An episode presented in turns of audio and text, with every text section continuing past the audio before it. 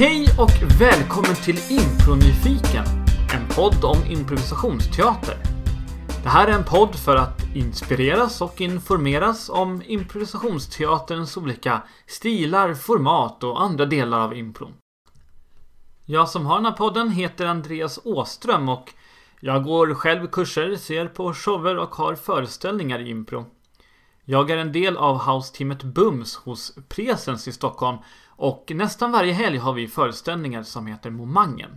För mer info om föreställningen och min teatergrupp spana in presensimpro.se.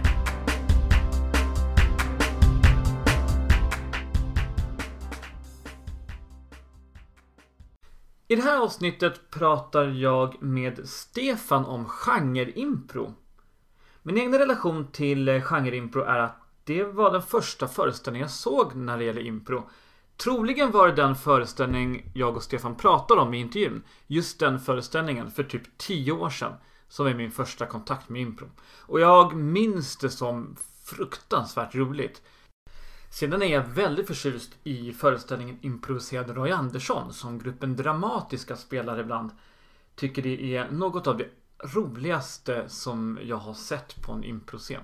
Jag har också gått en helgkurs i just improviserad Roy Andersson och ja, precis lika kul att spela som att titta på. Så jag gillar verkligen genre-impro. Men, men utöver det har jag nog inte provat så mycket. Det har väl varit någonting som man kanske kommer in på när man kör teatersport eller någon typ av kortform. Men det är väl det. Så eh, jag är jätteglad att eh, ha fått prata med Stefan om just genre-impro och fördjupa mig i det här och alla frågor som ja, jag själv har. Intervjun, ja den kommer här. Hej Stefan! Hej! Välkommen till min podd. Ja, man tackar. Ja, kul att du kunde vara med. Det är kul att vara här också. Ja. Jag tänkte vi börjar så här att du pratar lite om vem du är. Vill du presentera dig? Ja, absolut. Eh, Stefan heter jag och jag är med lite varstans i improvärlden. Eh, jag tror att en anledning till att jag är här kanske är för att jag är eh, konstnärlig ledare för eh, Survivor eh, tillsammans med Per Gottfridsson på Stockholms improvisationsteater där vi jobbar mycket med eh, olika genrer och så. Eh, sen är jag också eh, lärare i impro och också med i ensemblen Paraphrase som reser runt och spelar på lite olika håll i världen. Just det. hur länge har du hållit på med impro? Eh, började för, jag tror att det är ungefär 13 år sedan. Någon gång ska jag ta och räkna efter. Eh, men jag minns att det var en, en kurs på, på gymnasiet när man hade sån här estetisk verksamhet. Mm. Där Lotta Malmhäster som nu är på mm. Improstudion var min lärare. Och så blev det så att jag valde till mera impro som individuellt val. Okay. Och så, ja, så blev det på den vägen helt enkelt. Så du är riktigt ruttad. Eh, men vad är det som eh, håller fast dig i den här världen? Vad är det som är speciellt, tycker du? Med impron? Ja, det är väl egentligen flera saker som eh, gör att jag kanske fastnade i, i improträsket. Från början så var det väl egentligen hela konceptet med att jag går och i princip leker två gånger i veckan. Mm. Och kontrasten mot andra saker som jag var intresserad av på den tiden med liksom mycket som var antingen tekniskt eller matematiskt och eh, som krävde tänkande på ett lite annorlunda sätt än vad man gör i impro. Eh, och sen nu på senare tiden när jag har liksom eh, blivit kvar så pass länge att jag börjat göra föreställningar och, och annat så har jag blivit väldigt intresserad av liksom, den biten och hur man kan ja, men, göra föreställningar på annorlunda sätt, hur man kan bli bättre på saker och mm. olika koncept som finns inom impron. Det finns ju väldigt mycket man kan göra det. och det är en förhållandevis ung konstform så det är spännande att upptäcka. Och den är helt under utveckling. Verkligen. Mycket utrymme för att hitta på nya saker också. Precis. Eh, och du berättade att du var konstnärlig ledare för Survivor. Ja, ja vad precis. är det? Survivor, det är en, eh, en föreställning som de har spelat liksom långt tidigare på, eh, på Stockholms improvisationsteater före min tid vad jag förstår. Men som eh, jag kom i kontakt med första gången 2017. Och det är helt enkelt konceptet att man spelar eh, starten på eh, fyra stycken olika historier. Så man, vi spelar åtta minuter av varje. Och sen eh, är, är det helt enkelt första akten och sen under andra akten så får publiken välja vilken av de här historierna som man kommer att spela en fortsättning på som eh, varar under en hel akt. Och varje historia kommer att vara i en egen genre och där vi har tränat på ja, men runt 8 till 10 genrer beroende på lite olika, olika säsonger som vi har gjort. Mm. Men så då har vi haft en repperiod där vi har repat in de här olika genrerna och fått en förståelse för vad som skiljer en genre från en annan. Helt enkelt för att få så mycket kontrast mellan de här olika starterna som möjligt så att publiken känner att, ja, att de får olika smaker helt enkelt. Just det. Och vilken himla tur att det är just det vi tänkte prata om, om genre-impro. Ja, vilken slump, ja, verkligen. Vilka är med och spelar i, i, den, i den föreställningen? Eh, ja, men som det är nu så är det väl framförallt lärare på teatern tänkte jag säga. Det är väl en liten blandning av folk som är med i Improakademin, folk som är, är lärare, eh, fasta ensemblen och lite så. Mm. Eh, vi spelade ju den även förra terminen under, eh, under våren 2019 okay. Och också i Improakademin 2017. Eh, och jag vet att tidigare Improakademier har också gjort den. Mm. Så det är många som har erfarenhet av att göra den och som då har liksom kunnat komma tillbaka nu när vi har gjort den liksom utanför Improakademins regi. Mm. Det låter som att det är ett, ett format ungefär. Är det, är det så att Ja, precis. Ja. Så det, det, är det här formatet där vi spelar flera stycken starter mm. och endast en av dem blir till en längre historia beroende på publikens eh, tycke och smak. Eh, och sen olika säsonger har vi liksom fyllt den med olika genrer. Eh, vilket gör att man, och det är lite speciellt på det sättet att eh, det blir ganska kort tid med varje genre som mm. man har. För har man kanske en repperiod som är 10-11 veckor lång och eh, man kanske har 10 stycken genrer då blir det egentligen bara ett rep ungefär per genre. Just det. Om man jämför med när man kanske gör en, eh, en genreföreställning och man kanske har en hel termin på att repa mm. Eh, en genre så blir det helt olika vad man kan, vilka mål som kan vara realistiska att arbeta mot och vad man försöker fånga. När vi pratar om format och genre. Finns det andra format eh, när man använder genrer som du har kommit i kontakt med som du har spelat? Eh, där man använder just genre som slags grund. Ja men absolut, det finns ju egentligen allt ifrån, om man tänker det mest klassiska är väl kanske att man gör en improföreställning som är en viss genre som bara är en, en ganska vanlig långform. Så hela föreställningen är samma genre då? Liksom? Ja, precis. Som till exempel när jag var med i, i Navet gjorde vi improviserad Colin Nutley Eh, dramatiska gör, de gör ganska många olika genrer men nu är de väl mest aktuella med improviserad Roy Andersson. Eh, men jag vet att de har gjort eh, bland annat eh, Tennessee Williams och ett antal andra innan. Eh, så det är ett sätt som man kan spela genrer på, att man gör en föreställning som ska kännas som en historia i en viss genre. Sen finns det ju så det sätt som, som vi gör på i Survivor vi påbörjar flera olika och sen en blir en, en längre historia utav. Eh, men sen finns det ju också, nu gör inte jag jättemycket kortform och games och så. Nej. Eh, men jag vet, det finns många games där man kan låta publiken kanske ropa ut en genre eller att man byter genre mitt under eh, gamet. Jag vet, det finns någon där man kanske frågar publiken efter ganska många och tar en lång lista och sen har man någon som ropar ut och så byter man genre flera Just. gånger. Ja. Eh, den är väl hyfsat vanlig i kortformsammanhang. Ja, det är en teatersportsklassiker liksom. Precis. kommer jag att prata om i kommande avsnitt om teatersport. Härligt. om man går in på då genre. Vad, vad, är, vad är en genre? Ja, eh, det är en, eh, en, en spännande fråga. Jag, jag mm. tänker mig att det egentligen är för att någonting ska vara en genre så måste de ju på något sätt ha någonting gemensamt med varandra som inte stämmer överens på med saker som inte är i den genren. Och det är väl ganska mycket det som man försöker lista ut när man tar sig an en genre. Mm. Eh, För antingen kan det vara så att man själv har valt att "Ja, men den här genren skulle jag vilja göra. Eller så är det någon annan som har valt genren och man som medlem i ensemblen eh, får försöka bena ut vad som är vad och, och så. Det blir ett ganska långt och luddigt svar. Men blir det Eh. inte så att eh, en del av eh, reptillfällena går åt att liksom definiera då moment eller delar eller i, i olika genrer? Precis, så är det ju.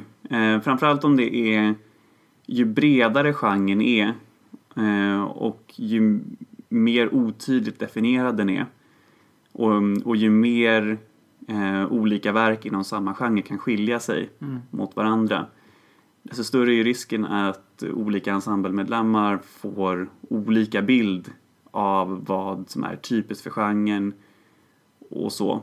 Så därför är det jätteviktigt att man har en ensemble som arbetar med samma aspekter. Just det. Hur gör man då, hur, hur gör ni för att undvika då, eller se till att ni får samma definition? Har ni några tricks eller något arbetssätt för det? Ja, men så som det har varit nu så har det varit jag och Per som har försökt gå igenom och också för att vi har haft så otroligt lite tid. Eh, vi har egentligen haft eh, mindre än ett rep per genre. Så då har vi försökt definiera så tydligt som vi kan vad det är som gör att någonting känns som den här genren. Och försöka vara liksom, ja, försöka hitta saker som är så spelbara som möjligt. Och det kan ju vara väldigt olika från, från genre till genre och en del saker eh, kanske inte gör sig helt på en improscen.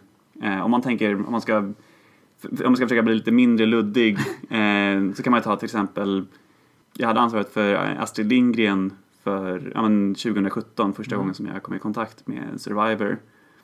Och då finns det ju jättemånga eh, saker som gör Astrid Lindgren känd som Astrid. Lindgren. Eh, och jag tror att många kanske tänker på liksom, det är mycket, väldigt mycket så fina miljöer. Eh, och mycket ute på landet och liksom grönskande träd och gärdsgårdar och sånt där i flera utav, eh, utav verken. Mm. Eh, och jag tror att många kanske också har kommit i kontakt med Astrid Lindgren främst genom de här filmade verken. Ehm, och de grejerna kan vara väldigt svåra att liksom få med sig det in på en, liksom, en hel svart scen och med liksom, minimalistisk kostym. Eh, så då får man försöka hitta vad finns det för andra saker. Till exempel att eh, eh, huvudkaraktären i en Astrid Lindgren-historia är, eh, är alltid ett barn. Eh, och man fokuserar på saker som händer i, i barnens värld. Där vuxenvärlden kanske finns med i bakgrunden men historien fokuserar aldrig på eh, vuxna teman. Och Astrid Lindgren själv menade ju att eh, eh, det är okej om man har eh, kanske ett skämt eller en, en, en händelse som eh, eh, vuxna också kan uppskatta. Mm. Och det är också bra om man har någonting som bara barnen kan uppskatta. Men har man någonting som bara de vuxna uppskattar i någonting som har barn som målgrupp så är det nästan oförskämt. Eh, Så då kan man försöka ha med sig det tankesättet när man spelar den typen av genre. Då kan man ha det som en, som en regel, det kommer att vara ett barn som huvudroll. Just det. punkt. Ja, just Astrid Lindgren är väl väldigt bred. Det kan ju vara allt ifrån Precis. väldigt dramatisk, eh, ganska sorgset till science fiction i princip. Det är ju väldigt stort. Precis, och då får man ju he- helt enkelt komma fram till liksom vad, vad som är tillåtet inom situationstecken och inte tillåtet. Där kanske övernaturliga inslag, ja men det kan vi konstatera att det finns ganska liksom, väl representerat, Mm. men inte i alla historier. Så det är en väg, ett verktyg som man kan använda sig utav. Eh, samma sak, många av historierna har ganska liksom, mörka och allvarliga eh, inslag och saker som är jobbigt. Mm. Eh, men inte alla. Så det är någonting som man kan använda sig av där. Medan till exempel det här med vuxenvärlden, eh, det är någonting som vi inte går in på. Så man kan också definiera liksom både vad som tillhör genren och sen vad som inte tillhör genren för att avgränsa lite grann. Och då kanske det krävs mer än ett rep för att verkligen nå pudelns kärna i varje genre. Ja, antingen det eller om man ser till att man, man kan göra ganska mycket mm, före och mellan repen också. Så, så som vi har gjort nu mycket med Survivor är att eh, i förberedelsearbetet så försöker man göra så mycket utav den typen av arbete som möjligt Mhm. så att vi eh, som är konstnärliga ledare tar på oss det ansvaret och sen presenterar liksom, det är det här som det finns många saker som man kan göra med den här genren men vi kommer att gå in framförallt på de här delarna. Och, Eh, och hur förbereder ni er då? Ja, det är eh, framförallt eh, konsumera mycket utav genren helt enkelt. Så, så som jag har gjort är, om det har varit en, en genre som är framförallt inom filmer till exempel, Mm. så försöker jag ta reda på liksom, dels får jag fundera på hur mycket tid har jag? Eh, och försöka läsa in mig på vilka är de viktigaste verken. Och sen försöka läsa om liksom, vad har folk för bild av den här genren? Vad är det folk förväntar sig av genren? Mm. Vad är typiska grejer?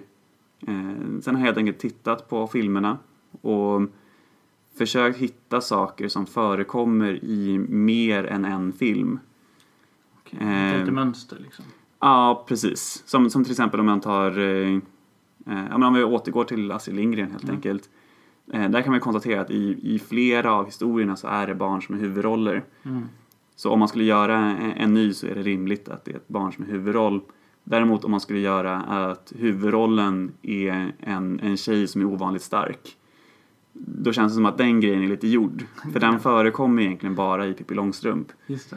Så där får man försöka hitta liksom vad som är generellt för genren och vad som är specifikt för ett visst verk. Man vill gärna undvika att, eh, att göra någonting som redan finns. Mm. Det är sant, för då blir det inte så mycket impro. Då Nej, precis, för jag menar-. Precis. För jag menar, eh, skulle vi göra en ny föreställning om en väldigt stark flicka så ja, då kan vi lika gärna se Pippi Långstrump lite grann. Däremot hade det varit så att det hade funnits kanske två, tre andra verk som också hade haft eh, eh, liksom, unga tjejer som är väldigt starka och som har lite olika personlighet och heter olika saker. Mm. Då hade man kunnat konstatera att det här är ett grepp som eh, Astrid Lindgren ofta använder sig utav. Då mm, kan man tänka att det här är någonting som man kanske Just. eventuellt försöker väva in. Då, då, då kan man tänka sig att eh, när man gör en föreställning så vill man, man vill inte ha en för bred genre. Man vill inte ha barnböcker eller barnfilm. Men man vill inte ha för specifik heller för då, då blir det reproduktion. Man vill försöka hitta någon slags mellan, mellanting. Och där i, Precis. i er föreställning har ni väldigt, eh, ni har ju väldigt specifika genrer men ändå tillräckligt breda. Kan jag tänka sig. Ja, precis. Vi, vi försöker hitta någonting som är, ja, men som är lagom Mm. eh, helt enkelt. Och ibland så, en, en del genrer är ju eh, ganska smala på det sättet att det bara är ett, ett mindre antal verk. Till exempel Jane Austen, hon skrev ju inte jättemånga böcker. Eh, så där kan man ju egentligen gå igenom de som finns och eh, liksom dra slutsatser om vad, vad förekommer i, i flera utav dem. Medan andra genrer är betydligt bredare. Just. Jag tänkte, finns det några genrer som passar sig särskilt bra för impro? För du sa ju också med att när det är mycket fokus på miljö och sånt så är det svårt att få in det på en scen. Finns det någon, några, tvärtom då, något som är väldigt impro-kompatibelt?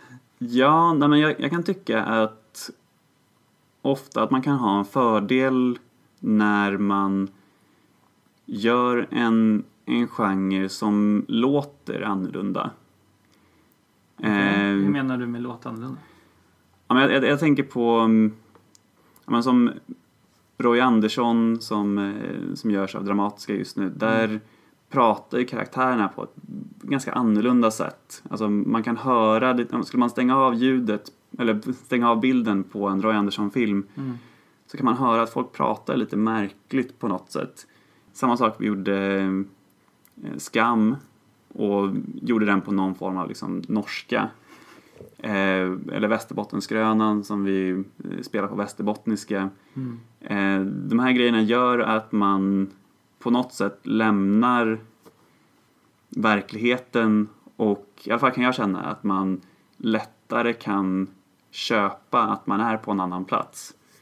Eh, för att alla skådespelarna har någonting gemensamt och, de, och bara genom den här ljudbilden lägger en annan plats. Mm. Eh, så det kan jag tycka är en ganska bra och, och effektiv, eh, ett, ett bra och effektivt verktyg som man kan använda sig av. Men det finns eh, många saker man kan göra. En annan grej är att ju mer tydligt någonting är. Om man kan säga bara ett ord och man vet att liksom åhöraren får en ganska tydlig bild av vad det här är för någonting. Mm. Eh, då är det kanske lättare att spela på det än om man har någonting som, ja, men som är lite mer suddigt. Va, vad kan vara mer suddigt då menar du? Eh, ja, men jag, jag, kan, jag kunde känna att det var lite halvsvårt i början när jag skulle få ett grepp om eh, pilsnerfilmen till exempel. För där kunde jag känna att det var ganska många verk som liksom låg i gränstrakten. Så här, vad, vad är en pilsnerfilm och vad är bara en, en komedi som är från ungefär den här eran. Och där, där det kunde vara en del skillnader mellan dem. Eh, och vad är liksom definitionen? Så då var man tvungen att först definiera vad som ingår i underlaget. Eh, och sen kanske man också som improvisatör har olika ingångar i vad man, vad man får för association Just det. kring det. Så den var lite lurigare på det sättet att arbeta med och krävde lite mer innan jag, innan jag kunde förstå helt enkelt. Ja, det finns, man skulle kunna gå in på så många olika genrer. Jag, jag tänker vi kan eh, gå över till eh, publiken. Mm. Vad, för, vad har publiken för roll när man ska spela någon genre eh, impro? Ja, ehm, jag tänker mig att det är väl ganska mycket som en vanlig... Om, om man säger i, i Survivor som jag håller på med nu, där får publiken välja vilken, dels först vilka fyra genrer de vill se en start på eh, och sen också vad de vill se vidare på. Så där är de ju ganska aktiva i liksom, genreval och allt Just sånt. Mm. Eh, men överlag så tänker jag att man, man behöver egentligen inte känna till en genre speciellt väl innan man ser den. För jag tänkte på det om man skulle svara att det kan vara en bra idé att kanske läsa in sig på innan. Men sen, nej, alltså för jag tänker det är flera genrer som inte jag har haft koll på innan jag själv har sett dem. Mm. Eh, där jag har sett den improviserade versionen av en genre innan jag har sett liksom, originalet. Eh, och det funkar ju minst lika bra. Mm. Så jag jag tycker inte man ska vara rädd som publik för att eh, gå och se liksom, genre-impro på något sätt. Om man, har, om man hade sådana farhågor. Nej. Och hos er så de bestämmer, eh, eller de, man får tycka till om genre och eh, tycka till om någonting kring varje genre också. Ja, precis. Så vi har, eh, vi har en, en, eh, en lapp innan som, eh, där man får eh, rösta på vilken genre man helst vill se. Och sen till, till varje genre så har vi också eh, en fråga. Så i, vissa genrer så kanske vi frågar efter en, en titel på, på historien eller som i Jane Austen frågar vi, vi, kom fram till att många av hennes böcker har liksom två stycken eh, abstrakta substantiv. Mhm. Stolthet och fördom Ja, det. förnuft, känsla. Så där ber vi om två stycken abstrakta ord. Eh, så lite olika vad vi ber om i de olika genrerna. Och sen eh, de, eh, de mest populära genrerna är de som vi spelar och då har vår musiker valt ut eh, en av de här eh, förslagen inom den genren som vi sen får ta oss an. Just ni har musiker också. Vad har musikern för roll i, ja, det är inte, gäller inte all eh, genre impro, men just i den, när ni spelar, vad har den för roll? Ja, det är att, att få men Som i, I vår föreställning så är kontrasten en jätteviktig del. Eh, att vi vill få de här genrerna att kännas så olika som möjligt. Och då är ljudet en, en jättestor del utav det. Så att eh, om man till exempel gör en Chekhov-föreställning Mm. får musikern researcha lite mer vad som får det att kännas som att vi har liksom färdats långt tillbaka i tiden och vi befinner oss i Ryssland. Och musiker är ju väldigt duktiga på att liksom försätta publiken på en annan plats genom att lägga en ljudmatta Mm. och, och sånt. Det här är det område som jag förmodligen är sämst på Men, i och men med då, att jag inte kan musik riktigt själv. Nej, precis. Men jag tänker så här, för då, då har ju musiken både att skapa en slags jingel till nästa scen eller till nästa genre, men också en ljudmattan som det ska för att skapa en, en känsla under hela scenen. Så det är intressant. Men som du sa, du, du, inte, du jobbar inte med musik så att vi, vi behöver inte fördjupa Ja, det, är, oss. det, är, det är egentligen mer eh, Per som får hålla mer av musikkonversationerna med, med musiker. Jag inser att jag, jag har inte ens vokabuläret för att försöka mig på. Vi behöver inte fördjupa oss. Vi kan istället gå in på då när man börjar spela. Hur, eh, hur är en vanlig öppning i en genre-impro? Ja, men på, på en del som vi kör, då har vi ju satt någon form av, av intro för att man direkt ska hamna på, på plats. Och då kan det vara att det är en, en, ljud, eh, en ljudmatta som ligger på något sätt eller att eh, i någon av genrerna så börjar vi med eh, att ha liksom en, en berättare eller att man har någon form av liksom, någon form av tidstypisk dans som vi använder för att ta oss in i Jane Austen-genren. När jag spelade Law and Disorder eh, och det var liksom rättegångsdrama för några år sedan med International Theatre Stockholm Mm. då började vi alltid med att det var en, en, liksom en, en, en domare som gick in och tilltalade publiken som att publiken var juryn. Ah, Eh, för att liksom sätta rätt typ av stämning och sen liksom börja kalla in eh, de övriga improvisatörerna ungefär på det sätt som man gör i en rättssal. Så egentligen introt, då vill man väl så snabbt som möjligt egentligen försätta publiken i det tid och rum som man vill ha dem i. Och kanske också till lika stor del sätta improvisatörerna i, i den känsla som man vill ha. så då är det li- lite som att komplettera musikens eh, roll. Kontextualisera den här genren eller scenen som vi kommer komma in i. Ja men absolut. Så då har ju öppningen en väldigt viktig roll i genre-impro jämfört med kanske annan impro när det är mer för inspiration. Här är det mer kontextualisering, sätta stämningen och inspiration. Det är många fler lager kan man, eh, kan man eh, tänka sig. Ja, men det, det kan jag nog tycka. Eh, och det är också ganska skönt i att om man redan från början känner att men vi har hittat rätt, då mm, slipper man ha känslan av att man behöver jaga. Jag tänker på om man skulle spela en, en föreställning och man känner att genren inte har kommit in riktigt ordentligt. Mm. Då kan man lätt kanske hamna i huvudet och börja fundera på liksom, ah, vad är det som händer? Varför får vi inte in den här känslan? Har man redan haft den från början så kan man vila lite grann i det och känna att ja, men, publiken kanske är hyfsat nöjd redan från start och därmed liksom har mindre bråttom med att eh, få in de eh, genretypiska eh, sakerna helt enkelt. Just det. Eh, jag tänker vi går in, kanske inte behöver gå in på själva spelandet därför att den är ju beroende på genren och vad som är typiskt. Men däremot vilka förmågor är det skådespelarna måste ha med sig? Eh, jag tänker kring storytelling eller gå in i karaktärer. Du nämnde också att karaktärer var viktigt i vissa Mm. genrer. Eh, vilka sådana typer av förmågor är särskilt viktiga ty- tycker du i genreimpro? Eh, bra fråga. Jag skulle nästan vilja säga att det är ganska samma som i eh, övrig impro. Alltså, så som jag ser det är egentligen medspelarskapet typ 90% av vad som gör en bra improvisatör. Mm.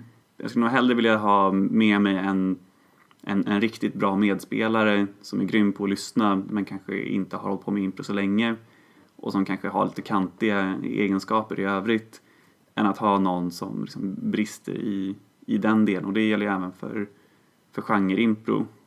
Men om man ska försöka ändå hitta någonting som kanske skiljer så tänker jag väl att framförallt om man har en kort repperiod att ändå känna sig bekväm i att, eh, att inte ha koll och att kanske trycka sig igenom att kanske spela en karaktär som man har som, som kör en gotländska som man inte riktigt behärskar. Eh, eller ha, hamna i en, en typ av karaktär som kanske känns obekväm eh, och så. Kanske är lite viktigare i, i genre-impro för att det kan vara så att det behövs för genren. Medan en mer liksom friforms eh, genrelös impro Mm. kanske man har lite större valmöjligheter eh, som improvisatör att välja vilket håll storyn går och vilka karaktärsval man gör. Just det. Men som du sa, som vanlig impro, mycket lyssna och eh, eh, inte fastna i huvudet helt enkelt. Precis. Hur avslutar man en genre-impro? Eh, scen eller en, en, en akt eller en föreställning? Finns det något särskilt sätt? Någon, är det någon särskild redigeringsteknik man bör använda eller försöker man knyta ihop det eller? Ja, det beror väl egentligen lite grann på ja, men hur, hur den genren brukar vara. Eh, om det är så att det finns något liksom, typiskt slut eh, inom en viss genre så kan det ju vara fint att använda sig utav det. Men jag kan inte komma på någonting specifikt som är så här, ja men så här gör vi inom genre impro. Så... Det beror på genren helt enkelt det också. Ja, precis. Och jag tror att de flesta genren ha, genrerna har väl inte något så här jättetydligt slut på det sättet. Nej. Man får plugga genrer helt enkelt för att förstå eh, och känna sig bekväm om man vill eh, ha det i bakhuvudet när man spelar kan jag tänka mig. Precis, mycket genreplugg och sen framförallt för den som är, har konstnärliga ledarskapet för, för gruppen att, eh, att avgränsa och eh, vara så tydlig som möjligt. Eh, där vi har jobbat mycket med att försöka klippa ut videoklipp så att man ser och hör och ja, man, ju tydligare man kan vara desto bättre, tänker jag. Eh, vad tycker du är särskilt utmanande eh, med genre-impro jämfört med friform eller fri impro? Ja, men jag skulle väl nog säga att eh, försöka hitta pudens kärna, så att säga. Att eh, hitta vad det är som gör att någonting känns som en viss genre. En stor del av utmaningen ligger i arbetet som man gör innan. Just det. Ja, jag tycker att vi har fått ut en ganska bra bild kring genre-impro. Man kan fördjupa sig i genres, specifika genrer, hur mycket som helst. Eh, men det har vi tid för nu. Det kan vi göra något annat avsnitt. Yes. Jag tänkte avsluta med att fråga varför ska man testa på att eh, spela genre-impro? Ja, men många skäl. Framförallt, eh, som jag var inne på tidigare, att man blir lite mer begränsad på ett sätt som improvisatör. Och det kan göra att man tvingas att göra lite andra val jag var inne tidigare på det här med att få karaktärer att låta på olika sätt, eller olika, att få olika genrer att låta på olika sätt. Mm. Där jag har börjat bli, liksom, bli tvungen att eh, ge mig på att försöka göra dialekter och sådana saker. Eh, det är något som jag kanske inte hade, hade gjort om jag inte hade börjat försöka mig på genrer. Eh, och kanske karaktärer som eh, ligger utanför det som man normalt spelar. Eh, om man gör mycket drama kanske man inte gör liksom, de mest urflippade komiska karaktärerna ja, men som kanske tillhör en viss genre. Mm. Så att helt enkelt för att, för att söka nya utmaningar kan det, vara, kan det vara nyttigt. Knuffa ut sig på ännu djupare vatten. Precis. Jättebra och tack för att du kom Stefan. Ja, tack själv.